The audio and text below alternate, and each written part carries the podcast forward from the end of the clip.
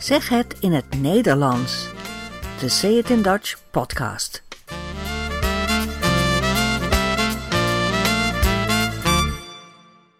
Nummer 48. In deze aflevering praat ik over stakingsacties, cao's, lonen en vakbonden. Ik heb een aantal actuele mediafragmenten voor jullie verzameld en er is ook weer ingekomen post. Veel plezier bij deze 48ste aflevering van Zeg het in het Nederlands. De afgelopen maanden hebben we allerlei stakingen gezien in Nederland. Mensen legden het werk neer voor een beter loon of voor een betere CAO. Wat is een CAO? Dat is een collectieve arbeidsovereenkomst. De CAO is een aanvulling op de wetten in Nederland. In de wet staat bijvoorbeeld hoeveel loon je minimaal moet krijgen en hoeveel vakantiedagen per jaar. Maar in een CAO kan best staan dat het loon hoger is of dat er meer vakantiedagen per jaar zijn. Als het maar niet tegen de wet ingaat. Er zijn twee soorten CAO's. De bekendste is de CAO voor een hele bedrijfstak, een branche, bijvoorbeeld de CAO van de zorg, uh, ziekenhuizen en zo. Of de CAO voor het streekvervoer, dus treinen en bussen. Of de CAO voor de hele metaalindustrie, enzovoorts. De andere soort is een CAO binnen één bedrijf, de ondernemings-CAO. Dat zijn de afspraken over de arbeidsvoorwaarden tussen één werkgever en de werknemers van dat bedrijf. De werkgever is de directie, de baas van het bedrijf. Die geeft werk, werkgever. En de werknemers zijn de mensen die er werken, het personeel, de medewerkers. Deze mensen nemen het werk. Dus werkgevers, werknemers. De CAO van een branche geldt vaak voor heel veel mensen tegelijk. Ik dacht dat ongeveer 70 tot 80 procent van alle werkende mensen in Nederland wel onder een of andere CAO werkt. Om een CAO te krijgen, gaan vakbonden onderhandelen met de werkgevers van die branche. En die CAO wordt dan bij de minister vastgesteld. Een vakbond is een vereniging van werknemers. Vakbondsmensen praten dus namens de werknemers. Een vakbond zorgt dat de werkgever niet de enige macht is in het bedrijf, maar dat ook de medewerkers een stem hebben. Een vakbond onderhandelt voor alle medewerkers, niet alleen voor de mensen die lid zijn van die bond. Maar, zeggen ze, hoe meer leden er zijn, hoe sterker we worden. De FNV is de grootste Nederlandse vakbond met heel veel verschillende sectoren. In 2015 zijn namelijk een heleboel aparte vakbonden in de FNV samengegaan, de Federatie van Nederlandse Vakbewegingen. Daarnaast heb je nog een grote bond. Dat is de CNV, de Christelijke Nederlandse Vakbond. Die heeft ook verschillende sectoren. En dan zijn er nog vakbonden voor ambtenaren, voor het onderwijs en nog een paar. De afgelopen 20, 30 jaar werden er steeds minder mensen lid van een vakbond. De mensen zagen er niet zoveel nut in. Ze vonden alles al goed geregeld. Ze hadden een goed salaris. En de bonden willen nu laten zien dat ze toch belangrijk zijn in de CAO-onderhandelingen. En dat kan ook omdat we in Nederland een krappe arbeidsmarkt hebben. Dat betekent dat er meer werk is dan personeel. Er is te weinig personeel. Daarom kan het personeel ook eisen stellen, een beter loon vragen. En er is bovendien veel inflatie. De bonden zijn dus de afgelopen maanden heel actief geweest. Ze organiseerden allerlei stakingen en acties in ons land. En als je in Nederland woont, heb je dat vast wel gemerkt. De treinen reden soms niet, de bussen reden soms niet, het vuilnis werd niet opgehaald en de afspraken in de ziekenhuizen gingen niet door, enzovoort. Maar stakingen in Nederland kun je niet vergelijken met stakingen in andere landen, zoals Frankrijk of Italië. Een econoom van de ING-bank zei laatst: Nederlanders zijn eigenlijk altijd heel voorzichtig als het om staken gaat, want we hebben altijd een goede traditie met elkaar om te zeggen dat het belangrijk is dat iedereen werk heeft. En als je de lonen te sterk laat stijgen, dus te hoog maakt, dan krijg je het risico dat personeel niet meer te betalen is, dat de werkgevers failliet gaan, dat de bedrijven moeten worden gesloten. Dus Nederlanders zijn altijd enorm terughoudend. Maar nu, met die enorme prijsstijgingen door de inflatie, loopt de spanning tussen werkgevers en werknemers op. Tot zover het citaat van de econoom. In de acties en stakingen gaat het niet altijd over loon, over salaris. Het gaat ook over andere arbeidsvoorwaarden.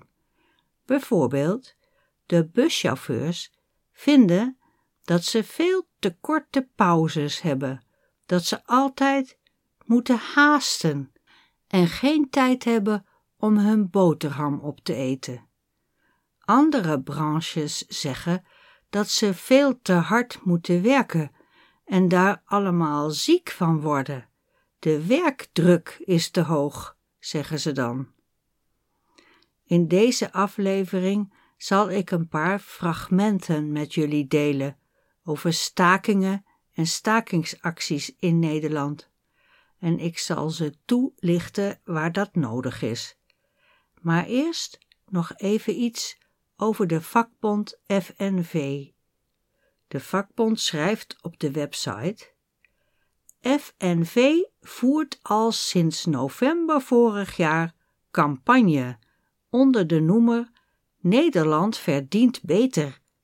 De vakbond vindt dat werken moet lonen en ze eist dat iedereen een inkomen krijgt waar op een normale manier van te leven is. Nederland verdient beter, zeggen ze. Verdienen is een woord met twee betekenissen. In de eerste plaats geld krijgen voor je werk, salaris krijgen. Je kunt zeggen: Hoeveel verdien jij? 3000 euro in de maand. Of ik wil graag meer verdienen, zeg je dan tegen je baas. Of ik wil daar niet werken, want daar verdien ik niet zoveel als hier. Verdienen gaat dus over salaris. Maar verdienen gaat ook over andere dingen dan geld. Bijvoorbeeld als iemand lelijke dingen zegt over een bekendheid of deze bekende persoon slecht behandelt, dan kun je zeggen dat heeft hij niet verdiend. En dan bedoel je dat het niet klopt, dat het niet fair is. Of op een positieve manier Zij heeft wel een applausje verdiend. Voor haar mogen we wel even in onze handen klappen. Of er is een voetbalwedstrijd geweest en het beste team heeft gewonnen, dan zeggen de mensen: Verdiend hoor!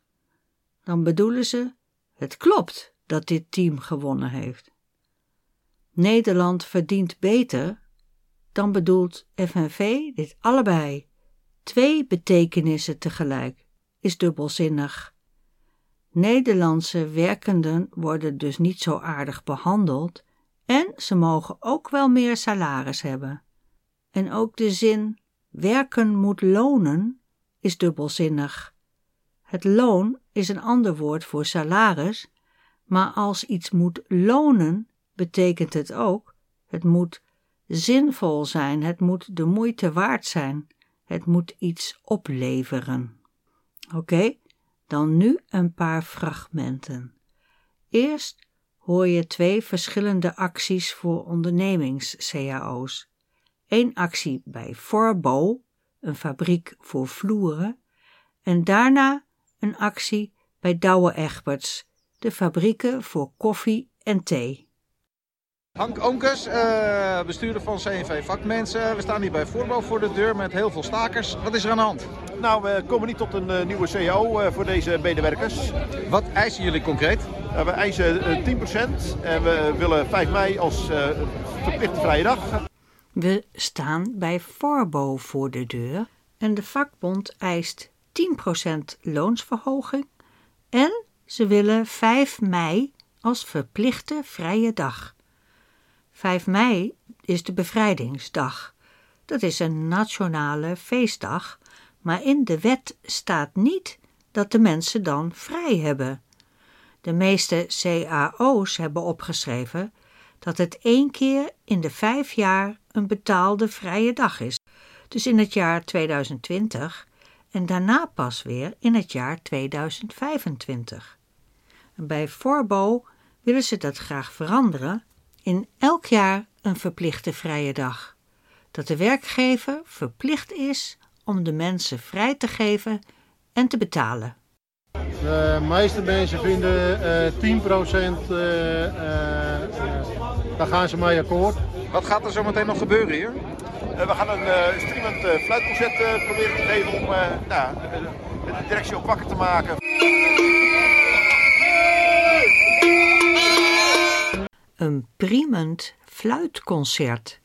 Het woord fluitconcert gebruiken we wel als veel mensen protesteren of het niet eens zijn met wat een spreker zegt. Ze roepen dan boe en ze gaan heel hard fluiten. Dat is om te protesteren. Wat willen jullie met dat fluitconcert uh, bereiken? Aandacht van de mensen op het kantoor die niet meestaken en uh, roepen dat wij de boel niet begrijpen.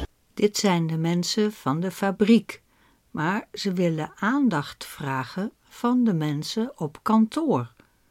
De mensen op kantoor staken niet mee. Op kantoor zit ook de directie van het bedrijf. De mensen op kantoor zeggen: Jullie van de fabriek begrijpen de boel niet. Jullie begrijpen het allemaal niet. Ja, ik vind dat de directie inderdaad niet luistert. Want uh, nou ja, hè, anders hadden we hier nu uh, zeker niet gestaan. Hè, dat, uh, ja, ze hebben gewoon totaal geen, geen respect voor zeg maar, de positie van deze medewerkers. Ze fluiten dus om aandacht te vragen. En nu de staking bij Douwe Egberts. Jikje Alberts, bestuurder bij CV Vakmensen. Uh, waarom zijn de mensen boos? Ja, de mensen zijn boos omdat ze koopkrachtbehoud willen houden. Koopkrachtbehoud. Koopkracht is het woord in de economie voor wat de mensen kunnen kopen voor hun geld. De huur, de stroom, de auto en de boodschappen en zo. Je koopkracht is afhankelijk van je loon je salaris dat je krijgt, maar ook van de belasting die je moet betalen en de inflatie, de waardevermindering van het geld. En nu er zo'n hoge inflatie is, hebben mensen minder koopkracht. Zij willen dat compenseren met een hoger loon. Zij willen hun koopkracht behouden. Dus ze willen een compensatie van koopkrachtverlies. En dat wij een, uh, wij staan voor een uh, compensatie van het koopkrachtverlies wat we hebben moeten uh, incasseren. Dat ziet er in de praktijk uit als 8% plus 100 euro per maand erbij. We vragen verder niks meer, we vragen alleen compensatie. En we hebben nu actie hier in Jouden. de theefabriek en de koffiefabriek, beide helemaal plat. En uh, twee dagen lang zijn we goed zichtbaar geweest en hebben we ons geluid laten horen voor de directie. De fabrieken gaan allebei helemaal plat. Dat betekent, er wordt helemaal niet meer gewerkt. Ja, we maken wat geluid en we laten ons zo meteen aan de poort zien. We hopen dat uh, de onderneming die uh, toegegeven heeft in woord, dat zij uh, het snappen waarvoor we hier staan. Maar dat ze dus ook de daad bij het woord gaan voegen. De daad bij het woord voegen. Dat is een uitdrukking en die betekent niet alleen zeggen, maar ook doen. Niet alleen het woord, maar ook de daad eraan toevoegen. Deze acties waren niet zo groot en voor één bedrijf bedoeld. Maar er waren ook stakingen met veel meer gevolgen, ook veel beter te merken, zoals de staking van de vuilnisophalers. Het afval bleef staan in Utrecht en op andere plaatsen. Je hoort de verslaggever Mark, die naast een stapel afval staat. Overal hopen en, en, stapels. En deze is nog redelijk netjes. Maar daar zie je al een, zak die kapot is. En op andere plekken verwaait het veel meer. Dus het is, in de binnenstad is het, een, is een zootje, zo kan je het rustig zeggen. Een zooitje, een puinhoop, rotzooi, rommel, een bende. Dat betekent allemaal hetzelfde en het is niet positief bedoeld. Maar dat geldt ook voor andere wijken uh, van Utrecht waar het al een, uh, een puinhoop aan het worden is. Overigens staken niet alle medewerkers van Stadswerk. Hè. Uh, er is ook een klein groepje nog aan het werk, een calamiteitenploeg. Als er bijvoorbeeld gevaar dreigt, zoals op de Beeldstraat, op het fietspad. Als daar afval op het fietspad dreigt te komen, dan wordt het alsnog weggehaald. Niet alle medewerkers van Stadswerken, dat is de naam van de gemeentedienst die het vuilnis ophaalt in Utrecht. Niet alle medewerkers staken. Er is een calamiteitenploeg, een noodploeg, die in actie moet komen als het afval gevaarlijk wordt voor het verkeer. Ja, Mark, de staking duurt nog tot na het weekend, tot en met maandag. Hebben de stakers in de tussentijd eigenlijk hun doel bereikt? Hebben de stakers eigenlijk hun doel bereikt? Dus is er al een betere CAO? Nee, zeker niet. Ik heb vanmorgen gesproken met een uh, vakbondsleider. En die zegt uh, dat er niet eens serieus onderhandeld wordt tussen de werkgevers uh, en, en, en, de stakers en de vakbonden. Wordt niet onderhandeld, wordt dus niet gepraat. Was vanmorgen wel een bijeenkomst op de Tractieweg. Heel gezellig, met, met een dweilorkest en met een grote opkomst volgens de man van de FNV. En daar hebben de stakers in Utrecht besloten dat ze maandag toch weer gaan werken een gezellige bijeenkomst met een dweilorkest. Dat is een muziekkapel van blazers, mensen met trompetten en trombones en zo, en slagwerk, dus trommels en zo. Dweilorkesten kun je horen bij carnaval of in een dweilpauze van schaatswedstrijden. Mark zegt dat ze maandag weer gaan werken, maar eigenlijk is het dinsdag. Luister maar naar de vakbondsman. Dinsdag gaan de mannen en vrouwen toch weer de stad schoonmaken. Ze zouden eventueel nog langer doorstaken. Maar ze vinden dat ze de, de burgers van de gemeente Utrecht, stad Utrecht, dat niet langer kunnen aandoen. Want ze zijn trots als de stad schoon is. Uh, dus dinsdag gaan ze weer aan de slag. En dat is vervelend, want er zit nog steeds geen schot uh, bij werkgevers die nog steeds niet met een fatsoenlijk loonbod komen er zit nog steeds geen schot in de zaak, wil hij zeggen. Dat betekent dat er geen beweging, geen ontwikkeling in zit. er is nog altijd niet een fatsoenlijk loonbod, een goed acceptabel bod voor een beter loon. Dat is er nog steeds niet. Wij houden het voorlopig wel vol, want de collega's bij de regionale vuilinzameling ARFI nemen het van maandag over. AFRI, laat ik het goed zeggen. Uh, uh, Amsterdam, Rotterdam, Den Haag vanaf de 13e. En reken maar dat de werkgevers in beweging gaan komen, want wij gaan dit heel lang volhouden. Ja, je merkt het ook echt in de stad. Hè? Ja, dinsdag gaan vuilnismannen en vrouwen in Utrecht dus weer aan het werk. Mark, hoe lang duurt het dan eigenlijk voordat alles weer schoon is? Ja, ik weet het niet, dus heb ik ook even nagevraagd bij een, voortvoerder van de gemeente. En die zegt dat het toch wel minstens een week gaat duren. Hij heeft het nagevraagd bij de gemeente. Het gaat minstens een week duren voordat alles weer schoon is. Mark snapt dat wel. Daar kan ik me wel iets bij voorstellen. Want in heel veel delen van de stad hebben we inmiddels uh, ondergrondse afvalcontainers. Sommige daarvan die zitten al ram en ram vol. En daarbovenop is dan het volgende afval gestapeld. Soms wel tot een meter hoog. Kijk, hier is het ook een meter hoog. Hmm, dat ging een beetje snel. In heel veel delen van de stad, zegt Mark, hebben we ondergrondse afvalcontainers. Afvalcontainers onder de grond. Die zitten al helemaal vol, ram en ram vol, zegt hij. En bovenop die containers ligt dan ook weer een stapel afval, soms wel een meter hoog. Nou, als je dus uh, zo'n container wil gaan legen, moet je eerst een aparte auto sturen om het afval wat er bovenop ligt weg te halen. En uh, dan pas kan je die container gaan, uh, gaan, gaan legen. Kortom, dat is een enorme klus. Kortom, dat is een enorme klus, een enorme taak. Maar dat is niet het enige. Er is ook harde wind. Het waait. En daarnaast, het waait al een paar dagen stevig in de stad. Alles waait weg. Het waait de gracht in, het waait de bosjes in, het waait het Amsterdam-Rijnkanaal in.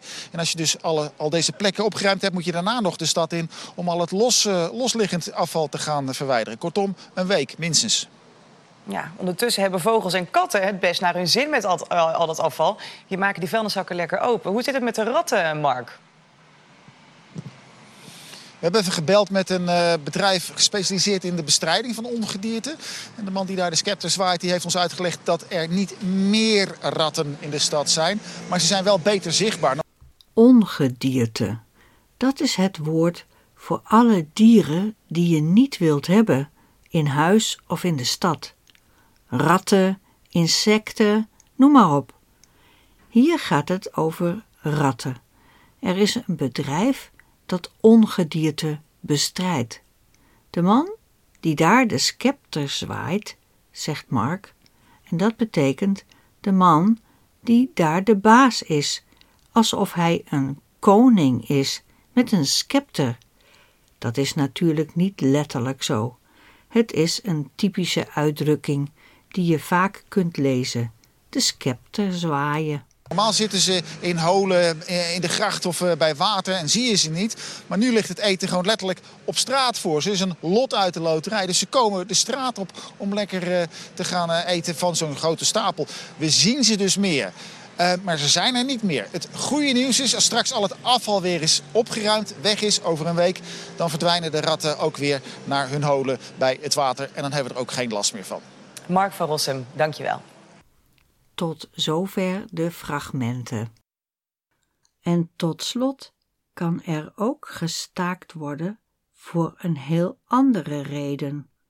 Dat gebeurde in 1941 in Nederland tijdens de Duitse bezetting. De beroemde februari-staking. Dat was een staking op 25 en 26 februari 1941 begon in Amsterdam. En hij breidde zich uit naar de Zaanstreek, Haarlem, Velzen, Weesp, Hilversum en de stad Utrecht. Het was de eerste grote verzetsactie tegen de nazi's in Nederland. De staking was het enige massale en openlijke protest tegen de Jodenvervolging in bezet Europa. De aanleiding van de staking waren de eerste razzia's in Amsterdam. Daarbij werden honderden Joodse mannen opgepakt. De verboden communistische partij begon deze staking met het motto staakt, staakt, staakt. Maar de Duitsers braken de staking met geweld, intimidatie en meedogenloos ingrijpen. Meedogenloos betekent zonder mededogen, zonder medelijden, zonder gevoel. Er vielen negen doden en 24 zwaar gewonden en heel veel stakers werden gevangen genomen. Na twee dagen was de staking ten einde. Twee jaar later, op 29 april 1943, kwam er opnieuw een staking tijdens de Duitse bezetting. Dat was toen de Nederlandse soldaten, die in begin van de oorlog gevochten hadden, zich moesten melden bij de Duitsers. Het ging om 300.000 militairen. Ze moesten zich gaan melden als krijgsgevangenen. Daartegen kwamen de Nederlanders in opstand. De staking begon bij de machinefabrieken van Stork in Twente, in Hengelo. En er deden steeds meer bedrijven mee in het noorden, het oosten en het zuiden van het land.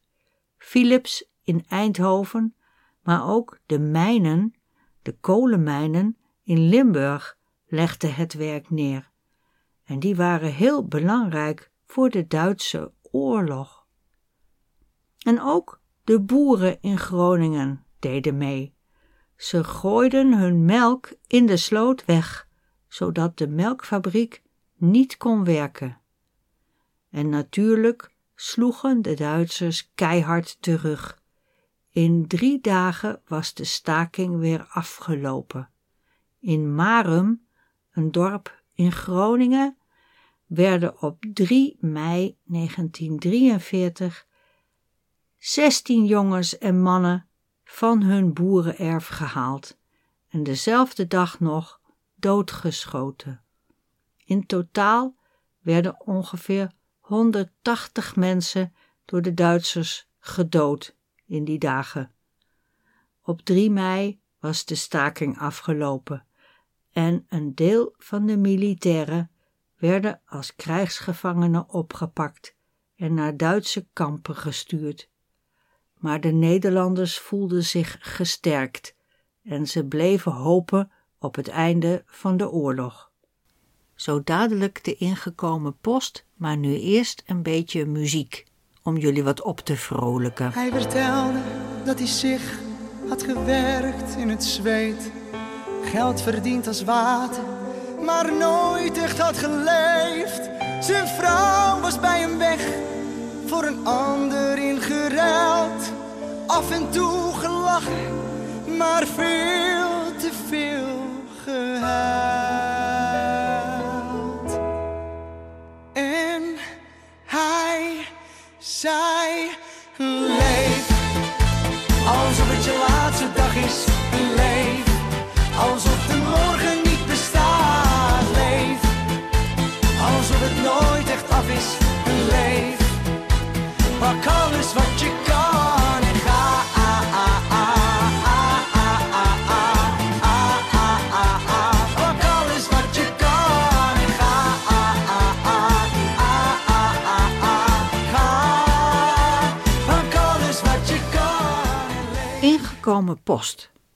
We kregen een berichtje van Mark.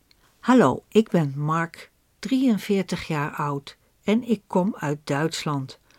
Ik vind je podcast erg goed. Ik luister er elke dag naar op mijn werk. Het helpt me om de taal beter te begrijpen. Ik ben bijna elk weekend in Nederland. In aflevering 44 vertelde je ons over Marina uit Duitsland. Ze woont niet ver van de grens En als het mooi weer is, gaat ze op de fiets naar Venlo of Roermond. In het midden van die steden ligt Reuver, een klein dorp met een leuke bibliotheek, waar elke zaterdag een taalcafé is. Als ik contact kan krijgen met Marina, kan ik haar vragen of ze ook wil komen. Zou dat niet leuk zijn?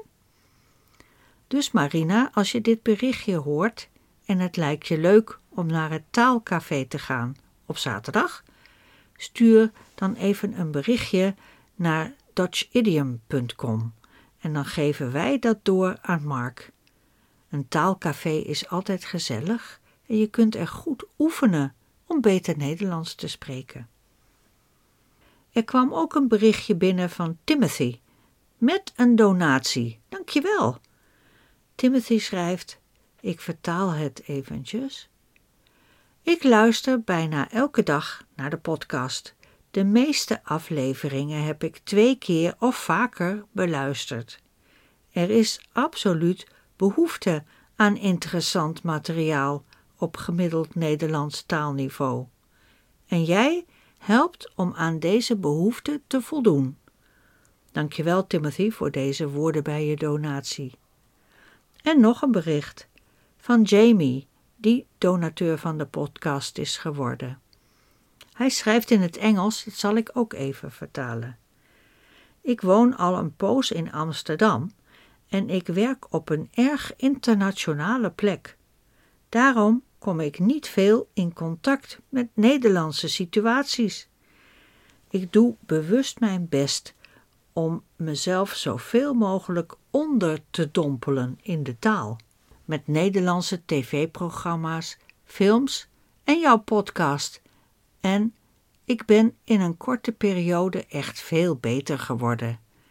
Ik vind je verhalen interessant en goed uitgelegd, waardoor ik me betrokken voel bij jouw podcast. Dankjewel, Jamie. En het is zo fijn dat je nu een vaste donateur bent geworden. Echt super. We zijn aan het einde gekomen van deze aflevering. Hartelijk bedankt voor het luisteren. Lees meer, doneer, reageer en abonneer je op www.dutchidiom.com. Tot ziens!